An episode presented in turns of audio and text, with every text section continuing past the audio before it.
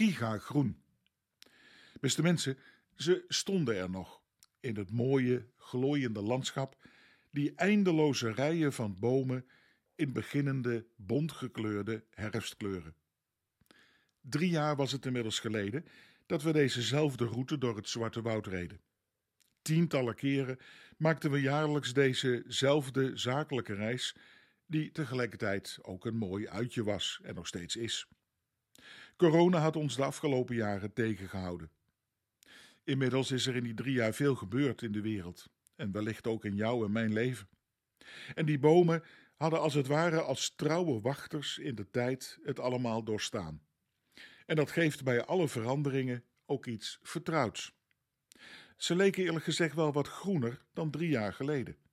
Had de coronapauze hen goed gedaan misschien? Zoals ik dat ook wel van mensen hoor, een verplichte rusttijd, met natuurlijk helaas ook verdrietige en zeer pijnlijke kanten.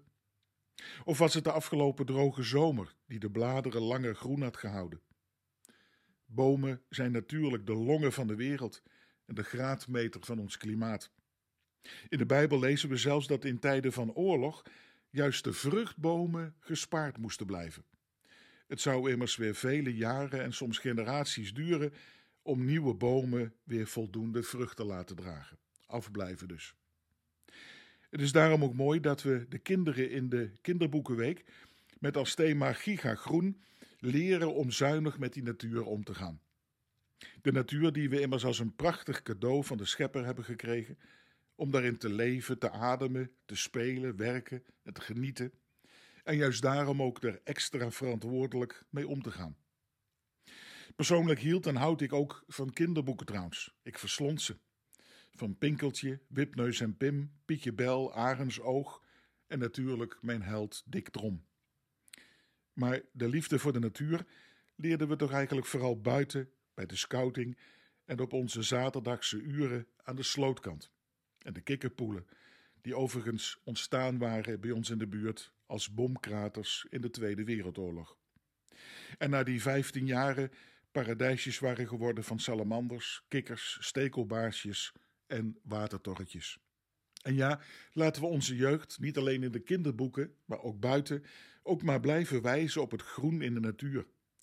Maar ook wat mij betreft in deze dreigende wereld, die ook onze kinderen niet voorbij gaat natuurlijk, vooral ook wijzen op het groen als kleur van de hoop.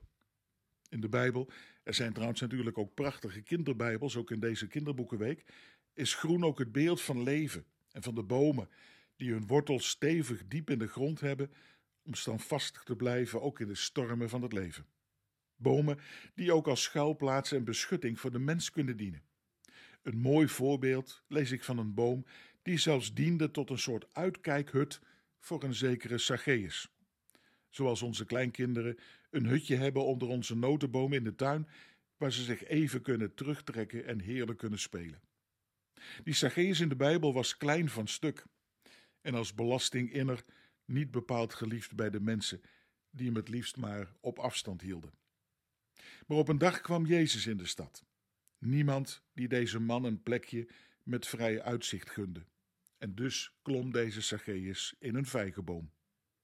Daar had hij het uitzicht. Daar kon hij schuilen voor een vijandige, bedreigende wereld, waar hij het misschien ook wel zelf naar gemaakt had trouwens. Maar hij wilde Jezus zien. Letterlijk boven de waan van de dag uit nieuw perspectief krijgen.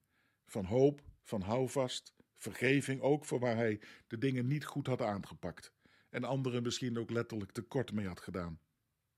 Maar hij werd door Jezus wel opgemerkt, daar in zijn schuilhut, verscholen onder het groene bladerdak. Jezus riep hem zelfs bij zijn naam en vroeg hem of hij bij hem thuis mocht komen. Zacchaeus' perspectief veranderde vanaf die dag in de ontmoeting met Jezus totaal.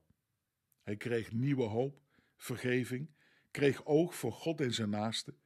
Hij wist zich door Jezus gezien, van achter dat symbolische groen van de vijgenboom, waardoor hij nieuwe levensvreugde kreeg. Giga groen, dat wens en bid ik ook voor de nieuwe generatie.